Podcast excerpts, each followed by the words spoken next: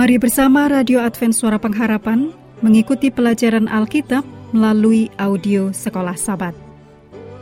Selanjutnya kita masuk untuk pelajaran hari Minggu tanggal 11 Juni.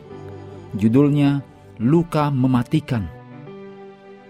Mari kita mulai dengan doa singkat yang didasarkan dari Wahyu 5 ayat 9. Engkau layak menerima gulungan kitab itu dan membuka meterai-meterainya Amin.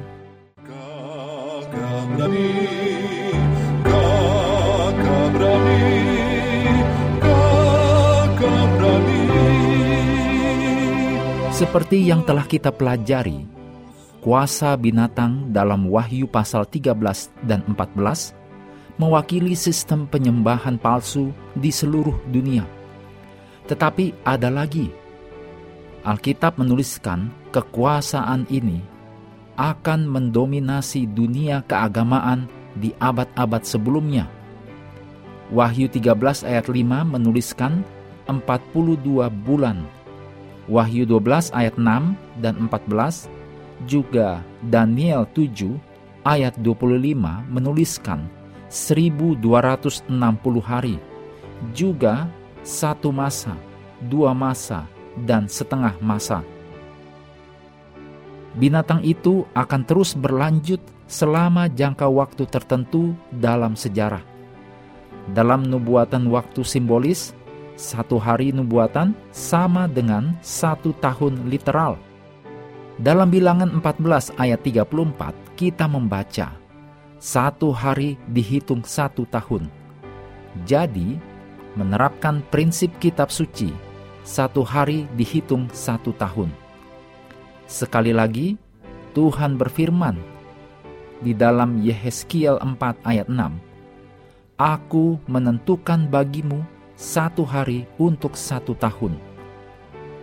Prinsip ini telah berulang kali membuktikan keakuratan dalam menafsirkan nubuatan waktu Alkitabiah, seperti 70 minggu dalam Daniel 9 ayat 24 sampai 27 menghitung periode waktu yang disebutkan dalam Wahyu 13 ayat 5 dari 42 bulan dengan 30 hari dalam sebulan, prinsip ini telah berulang kali membuktikan keakuratan dalam menafsirkan nubuatan waktu Alkitabiah, seperti 70 minggu dalam Daniel 9 ayat 24 sampai 27.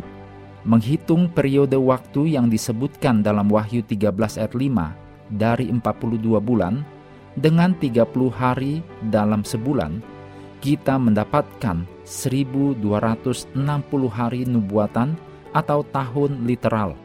Kalender kuno secara teratur memiliki 360 hari per tahun.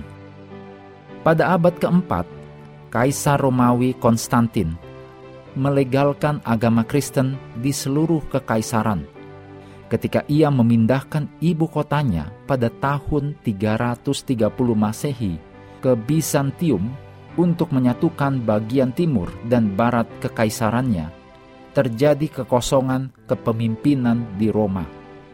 Paus kemudian mengisi kekosongan ini. Paus tidak hanya menjadi pemimpin agama yang berkuasa, tetapi juga memiliki kekuasaan politik yang harus diperhitungkan di Eropa. Pada tahun 538 Masehi, Justinian, kaisar Romawi kafir, secara resmi memberikan uskup Romawi peran sebagai pembela iman. Gereja abad pertengahan menjalankan pengaruh yang besar dari tahun 538 Masehi sampai tahun 1798 Masehi, termasuk melakukan penganiayaan yang mengerikan yang telah diangkat dalam pelajaran kemarin. Jenderalnya Napoleon, yaitu Jenderal Berthier, menangkap Paus pada tahun 1798 Masehi sebagai penggenapan yang tepat dari nubuatan tersebut. Berthier dan pasukannya menangkap Paus Pius VI dan dengan begitu saja menyingkirkannya dari tahta kepausan.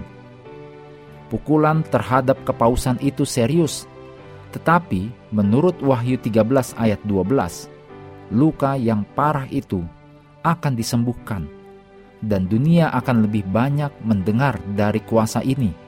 Ya, lebih banyak lagi.